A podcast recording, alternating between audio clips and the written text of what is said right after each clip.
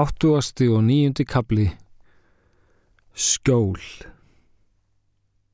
1999 til 2001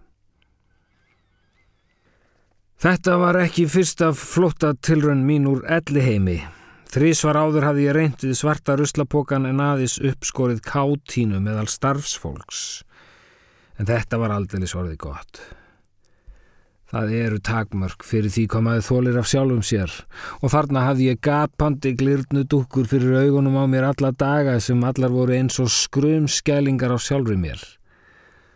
Skjól heitir það sem fyrir segir og stendur þó á einum kvassasta bletti höfuborgarsvæðisins. Þarna var nánast engin möguleiki að koma út úr sér reykjar lænu.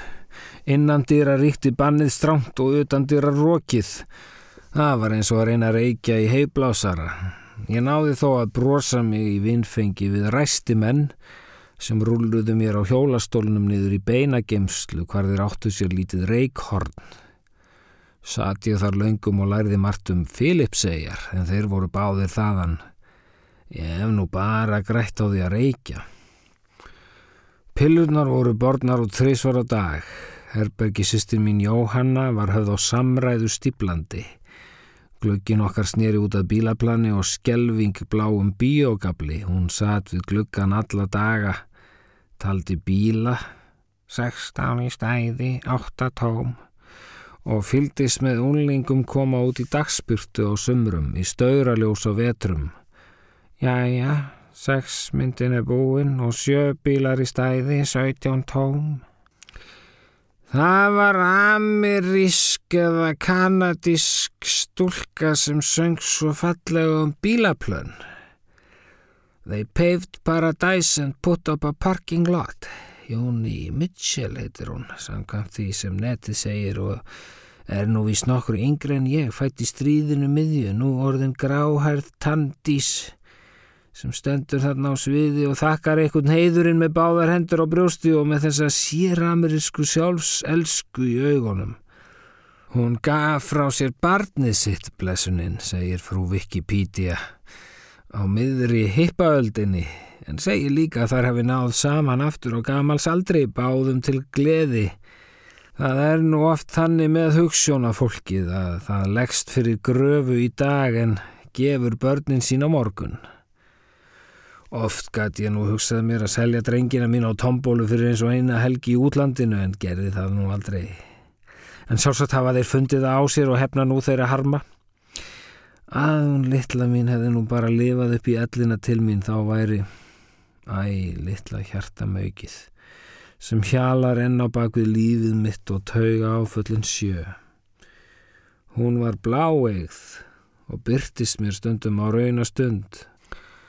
Þá sé ég ljósa lokka í rafmyrkrinu leika þar um eins og vafur loga og veit að mér á að líða betur. Ég var oft andvaka þarna á skjóli og hlíti og rugglið í Jóhannu. Hún var með vatn í lungum og róturnar myndu á guttlandan í hámóðins rakatæki sem þó fór undarlega vel við gamlar martræðir úr setni styrjöld. Það var furður sekt í þeim íllu myndum. Rúsneskir hermenn heimsóttu mig stundum margar nætur í röð með beittan kuta og beran sting og klöfu mig í herðar upp. Svo var okkur safnað saman í sjónvaskrókinni við daginn eins og hverju öðru ríðu fjö og við látin lesa þar í dönskum kongaklámsblöðum og innlendum glennuritum. Flestir góndu þó bara opinmyndir og innbjána leir út í loftið allt fram að hátegismat. Ég spurði hvort það ætti ekki fyrir mig spíkel eða El Pais. Skal tala við læknin, sögðu þær og töldu það víst nöfn á livjum. Að hugsa sér og ég með öll þessi kvöld í blóðinu, alla þessar borgir í sálinni, allt þetta lifandis mikla fjör. Skuli svo hafa endað upp á aldauðu íslensku elliheimili með sitt hlandlita kaffi og bræðlösa bakkelsi í öll mál. Hvar dagurinn snýrist allur um fréttatíma og nætur um viðsnúninga. Tvísar á nóttu komuðu inn til að snúa Jóhannu gamli í rúminu. Hún rumskaði aldrei en ég vaknaði alltaf við raskins og vassljóðin. Afsaka, herra mín, góðanótt. Hann var stór hugulegur þessi sjúkrarleiði og hugleiti ég að gera mér upp snúningsleysið svo hann geti komið og lotið yfir mig á nóttunni. Goran hétt hann góðhjartaður serbi með mynd af móður sinni og upphandlegg. Ég skrifa honum stundum á fjesbók undir mynd af Marilyn Monroe. Lóa kendi mér ungdómsmál, manni ber að byrja alla sendingar á hæ sæti og ljúka þeim með tákni sem hún kallar broskarl. Goran Vidic býr í Hafnafyrði og heldur heljarinnar grillparti fyrir vini sína sem mér sínist að séu allir flökkumenn. Hún Jóhanna dóð þó ekki fyrir hennum dægin, sá ég. Ég er áskrifandi að minningargreinum morgumblasis, fæð þar sendar daglega með tölvuposti klukkan 6.15 Mér reiknast til að deyja meðaltali sjö Íslendingar á dag sem eru auðvitað mikið brottfall úr þessum merkastofni. Við erum náttúrulega alveg einstakt fólk. Ungri þótti mér fjör í manngrúaborgum en árin kentu mér að meta fámennið svo mjög að ég endaði um síður alin á bæ í djúpi. Annars var príðilegt lepins rám í Þískuborgunum í setna stríði þegar búið var að hreinsaðar af karlmönnum. Það var einhver léttir í lofti og stundum fannst mann í konurnar blómstra þráttur í fátækt og stríð. Í krambúðarkallara kvíslaði að mér högufrú, stríð eru góð, þau losa okkur við karlana. Í nokkur árið hefninir með okkur og ég vil alveg fyrir fullt og fast ef allt gengur upp. Blikkaði síðan til mín telpunar.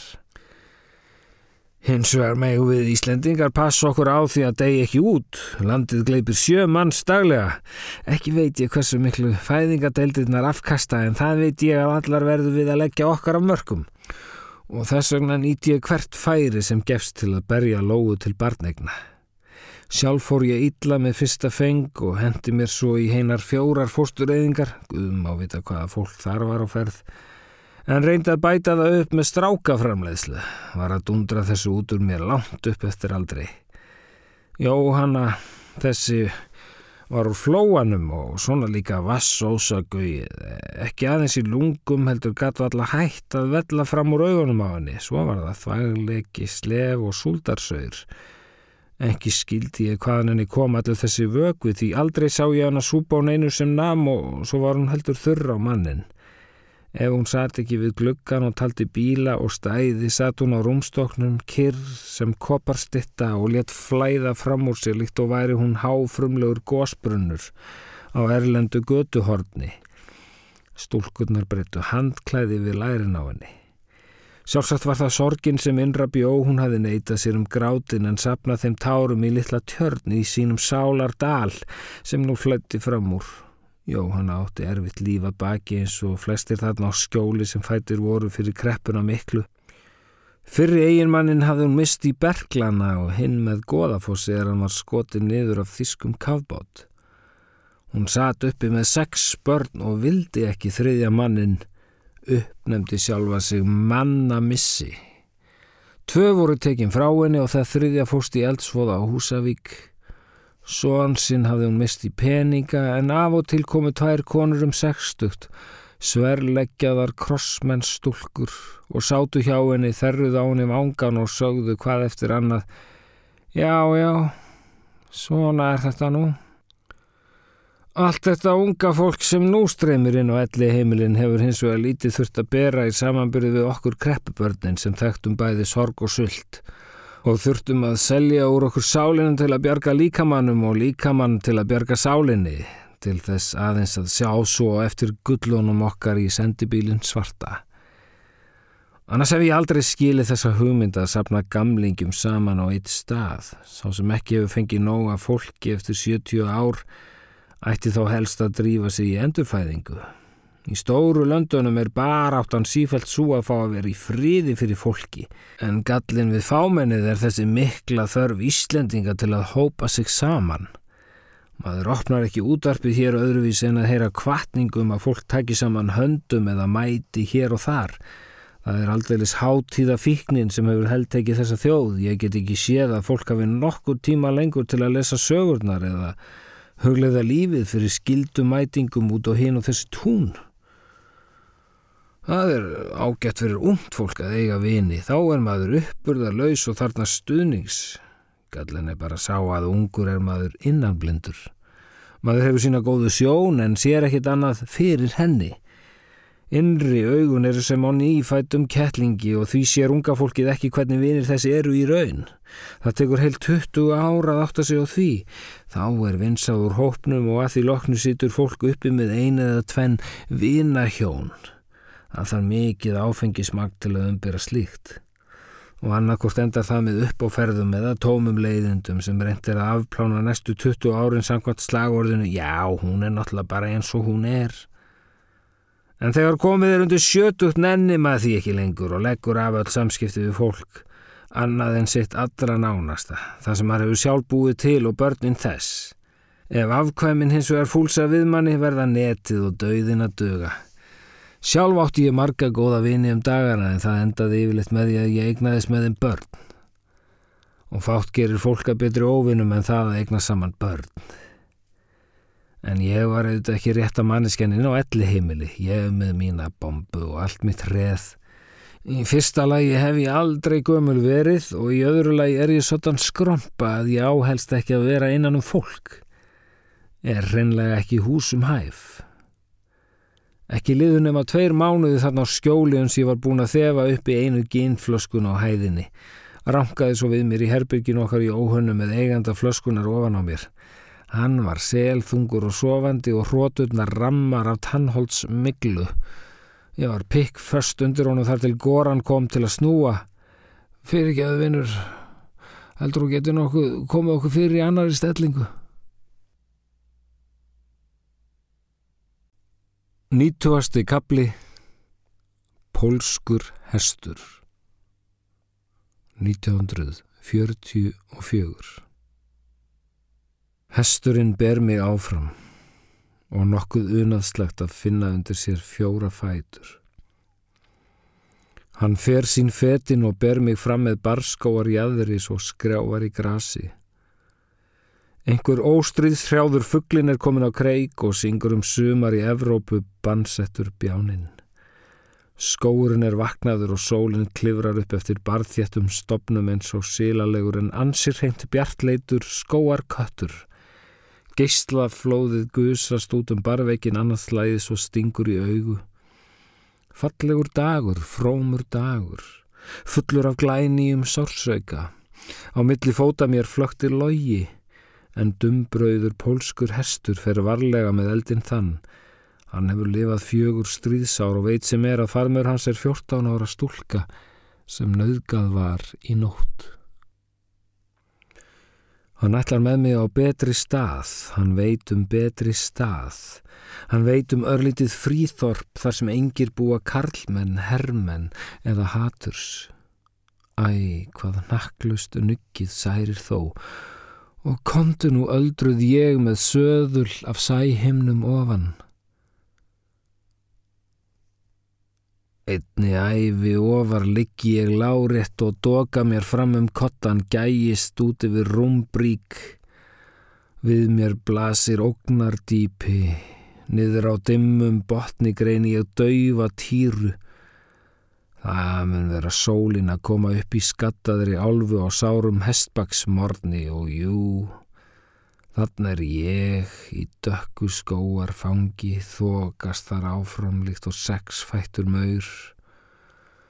Mér sínist þessi skóur vera pólskur frekar en þýskur. Það er einhver slafineskur blær á laufinu. Hér má ekki nokkrum drega heyra og allar sprengjur sofa enn. Það er ljómastundum laglega um nætur undir flugdrinjandi himni út við sjóndeild í vestri. Óheppin borg tautaði grannholda kona í neðanjörðarbyrgi, óheppin borg. Ekki mann ég hvaða borg það var, þær voru vist allar óheppnar. Vílínan er þó óra vegi burtu, austur við Dón og vestur í Frans, en stundum er hún dregin yfir höfuð manni og niður á milli augna og þá er ekkit annað að gera en að klemma þau aftur er við heyrum sprengjurnar falla. En nú þegar sólinn leikur geyslaverk á barfiðlu heyrist ekki bissunar bofs í stríði, ekki utan yrna en innan þeirra gengur á með herjum, mér var nöðgað í nótt. Hesturinn hengir haus og hnusar af slóð sem óvist er hvort hann hefur farið áður eða semur jafnóðum. Við þekkjumst ekki, kynntumst áðan í blá róða bítið. Ég kalla hann Sjervóni og hann neytar því nafni ekki. Því lítur klárin að vera pólskur eins og drengurinn sem öskraði sig inn í mig í gerðkvöld. Það var innráls pólverja í Þískaland.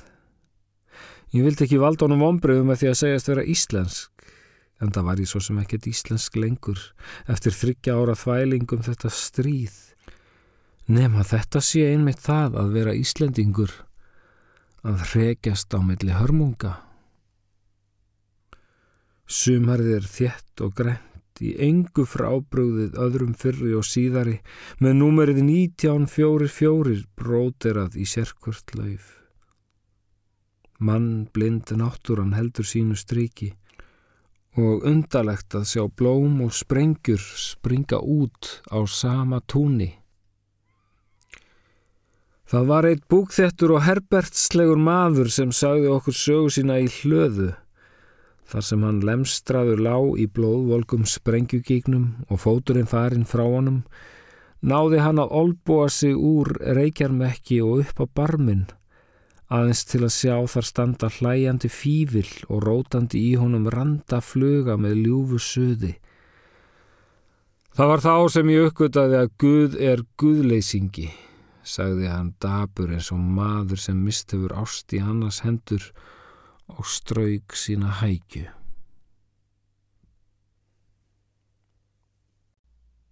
Nýtuasti og fyrsti kapli Hjá sorbum 1944 Sjálf hafði ég upplifað svipuð vombriði fyrir morið er ég steig upp úr þryggjaveikna kallaravist á ónemdu sveitabíli í östurluta Þískalands. Ekki var talið ráðulegt að flíka mér ofanjarðar þar sem gýðingaleit gekk yfir héradið og ég bæði óskráð og passalös. Þetta var príðis fólk sem ég hafði hjalað mig inn á, gleði snöyðir búra bændur, með blóðsprungin nef og þröng sín augu. Þau áttu krippling fyrir són sem vann þó á við þrjá. Þau töluðu ekki þísku sín á milli heldur sorbnesku sem líkt og frískan er ein af glemdum tungum Evrópu. Ég náði ekki nema vettlingatökum á þessu fortfálega slavamáli en frúin gaf mér þó örsín í sögu sorpa þessarar þjóðar sem þau tilheyrðu en enginn þekkir núfremur en þá. Af hennar sögn voru þeir serbnesk ætt kvísl sem arkað hafði í útilegu og sjöttu öld, röstlað sér upp um halva álfuna og tjaldað loks eina nótt á bökkum spriðu, spri, en ekki komist lengra daginn eftir voru þar enn og höfðu þó búið við stöðugt ónæði á því tjaldstæði frá bjórsingjandi þjóðverjum um tíu aldaskeið. Þau kölluðu landsitt Lúsíku sem er fallegt nafn en þýskum tókst að ljóka í Lausitz. Þetta land sem snemma kvarfin í þýskan skó og hverki finnst á kortum er tákgrænt að lögun því það líkist helst afskorinni tungu. Nú segir mér netið að einingi séu 60.000 sorpar ofan jarðar og heia þó enn sína baráttu fyrir sjálfstæði máls og lands við littlar undirtektir Brusselvelda. En ég get huggað þá blessaða með því að ekki voru við fleiri en 40.000 Íslendingar þegar verst létt í móðuharðindunum á átjándu öld og urðum þó að lokum þjóð með þjóðum með syngjandi bjarkir og fallandi banka, olimpíu silfur og nóbelskull um háls. Ég hafði dvalið hjá þessu fólki í mánuð áður en til kallaravistar kom og reynd að vera matvinnungur hafði lent hér að loknu nokkur að stunda skóaröldi eftir að hafa sinnast við konur á hestvagni. Svart pilsuð frúin kendi mér gardrækt, let mig plæja beð og sá fyrir káli, rófum og kartublum rak mig áfram af sömu hörku og haminguleysið hana. Þísku hafði hún lært af tveimur ljóðabókum og söngmælti setningarnar á hinn furðulegasta hátt en skreitti með rými. Standa ekki undir sól, það okkur þessi barn. Þú bukta þig og beigja fyrir sól, bukta þig beigja og vinnudag þreja. Hún sagði þetta á fartinni, var allatíð á fartinni á leið út um dyr yfir hlað með kartöblur í svönd skýtu, vatn í fötu, vakkaði stöðugt og dokaði hverki. Húsfræðurnar heima stungu sér þó niður við borðsenda endrum og sinn. Í borg hefði hún talist til geðsjúgra en hér í sveitinni jamlaði hún í góðum takti við hænur og tré. Náttúran er umburðalind hvað þetta varðar og er vist ástæðan fyrir því að sveitirnar munu aldrei tæmast alveg. Fyrir álfufólkinu er dagspyrtan dýrmætt. Við Íslendingar höfum aldrei kunnað með sól að fara. Á vetrum sést hér svo lítið af henni að hún gæti þess vegna slefti að stöylast upp en á sumrum er ofgnóttinn slík að verk bjartir í allan sólarhingin. Af þessum sökum eru við Íslendingar alltaf að vinna en þó í eilifri pásu og berum enga virðingu fyrir þessum logans netti. Þvert á móti bölfu við sólinn í sand og ösku láti hún ekki sjá sig, en þó meira láti hún í sig skína og draugum þá hengin fyrir. Eigum enda heimsmet í gardínu austri. Þess vegna var mér engin ofraun að dúsa þarna í neðanskóar skamdi í nokkrar vekur þóttum há vor væri. En þessi fangavist mín í kjallaramirkri var umdeild ofan fjala. Ég var aðeins farin að skilja sorpneskuna og heyrðist Karlin vilja losa sig við flökkubarnið. Tóm vandraði að taka einn á sig ókunnuga og hver triði því svo sem að telpan væri ísnesk. Auðvitað væri hún ekkit annað en gýðingur, enda sá þjóðflokkur einn síljúandi eitur tunga eins og fóringin kallar það. Hún döga vel til vinnu, sagði svo gamla, en hún setur okkur í stór hættu kona og já, hættu svo að tala þessa rýmþísku þegar þeir koma. Hún er höndfallega þíska mín. Þeir halda að þú sérst að gera gís, það getur verið lífsættulegt. Ísland, heyrðist þá kriplingurinn baula, Ég vil fara til Ísland. En svo margir minnipokamenn, þýskir og fleiri þjóða hafði hann tekið Íslands trú. Ég hafði sagt honum þrý lognar sögur af íspjarnar eigum og kvenna kofum í landi þar sem enginn væri tríin. Engin trí? Þar maður þá ekkert að hagga í eldin? Nei, ekkert að hagga. Hann lingdi aftur augum og seldi fróðu út um munvikið. Ég vil fara til Ísland, ekkert að hagga en varð svo alvörð þungur á svip. En hvernig gerum maður þá eldin? Maður e, brenni bara gras. Gras? Já, við erum með graseldavilar og grasopna. Grasopna? Ég vil fara til Ísland. Á setni ferðum mínum um heiminn rakst ég reglulega á slík eintök, slíkt Íslandsdellu fólk sem átti það sameigilegt að bera með sér einhvers konar krippu í gegnum lífið. Það er félagar Guð og Kristur sem alla jafna sjá um sálgæslu slíks fólks virtust hafa brúðist þessum brotnu sálum sem fyrir vikið beindu vonum sínum til Íslands og tegnuðu með sér þetta fjarlaga land í sæköldu norðri líkt og væri það sjálft lusnar landið. Hér kemur hún með umfyllið þín, sagði sveitafrúin um leið og hún rendi til mín rúbröði niður í myrkrið og smjörstrái ef til var stöku disk af súpu, lúsískri bönasúpu sem sjálfsagt var arfa vond á bræðið en var mér þá sem heitur lags af himnum. Ég reyndi að stitta mér stundir með því að tálka át hest. Það mótaði fyrir spónunum í myrkrinu líkt á vatnaliljum um nótt. Klárin varð auðvitað jafn vanskapaður og vistin enda tálkaður í ágískandi blindni. Um næturíkt í sakkakölur veggjum ég skalfi í horni. Tvísvar knúðu þeir dýra brjálaðir og ruttust inn á golfin evra. Ég náði að þeia svo djúft að ég heyrði hjarta mitt slá. Þeir aftur öskuðu svo hátt að skápar brotnuðu. Síðar bjó ég í kjallara og reynimel og let þá jafnan ljósin loga hringin sólarringin. Þið slafnesku lísi höfði Þískalands, hvar er gýðingabarnið? Aldrei var það hér hjá okkum ég. Vas? Rým gat verið hættulegt, en niðri í myrkrinu spenti ég greipar um handvapnið góða sem faði minn hafi gefið mér að skilna þið tveimur árum fyrr. Þú mátt aldrei gleima því að pappi elskar þig. Allar götur síðan hafði ég borið þetta æðifuglsins egg um rústir og torg innan og utan klæða eins og sjálf svita gunna með alla sína dúnhærðu drauma og á stund sem þessari var gott að finna styrk í þýsku stáli.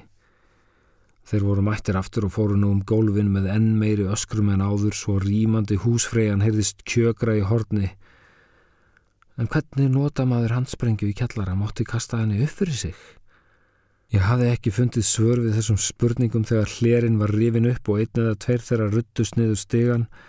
Í millitíðinni hafði ég hins vegar sett mig inn í veggskáp, láð þar flöt í hillu og taldi svefnæjar með skerjum og löndum og let hjartaslag fylgja hverju þeirra.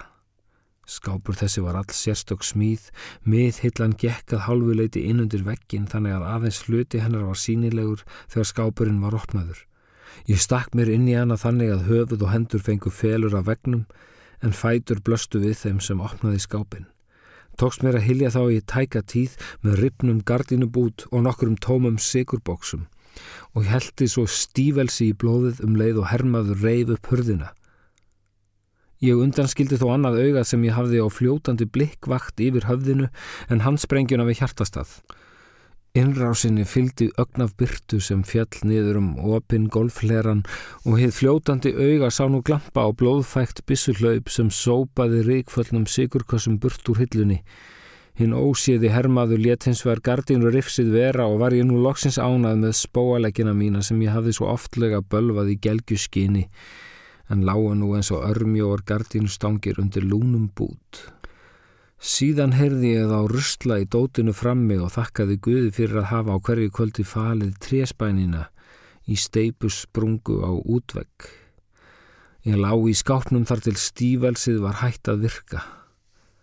Það var laungu eftir að þeir voru farnir upp, búinir að loka hleranum, öskra dálitið meira á rúður og lertau og senda kúlur úr kæfti og spýta sér á brott.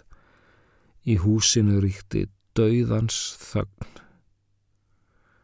Ég lættist upp á brótættum postulinsleggjum og mátti með þeim klofa yfir búksver líkin til að komast út. Blóð hjónana hafði blandast á eldhúsgólfinu. Sónurinn lág hins vegar á hlaðinu með krippuna blóðurisa og sálinn flógin til Íslands. En handan við húsornið var matjúrtargarðurinn orðin syngjandi græn.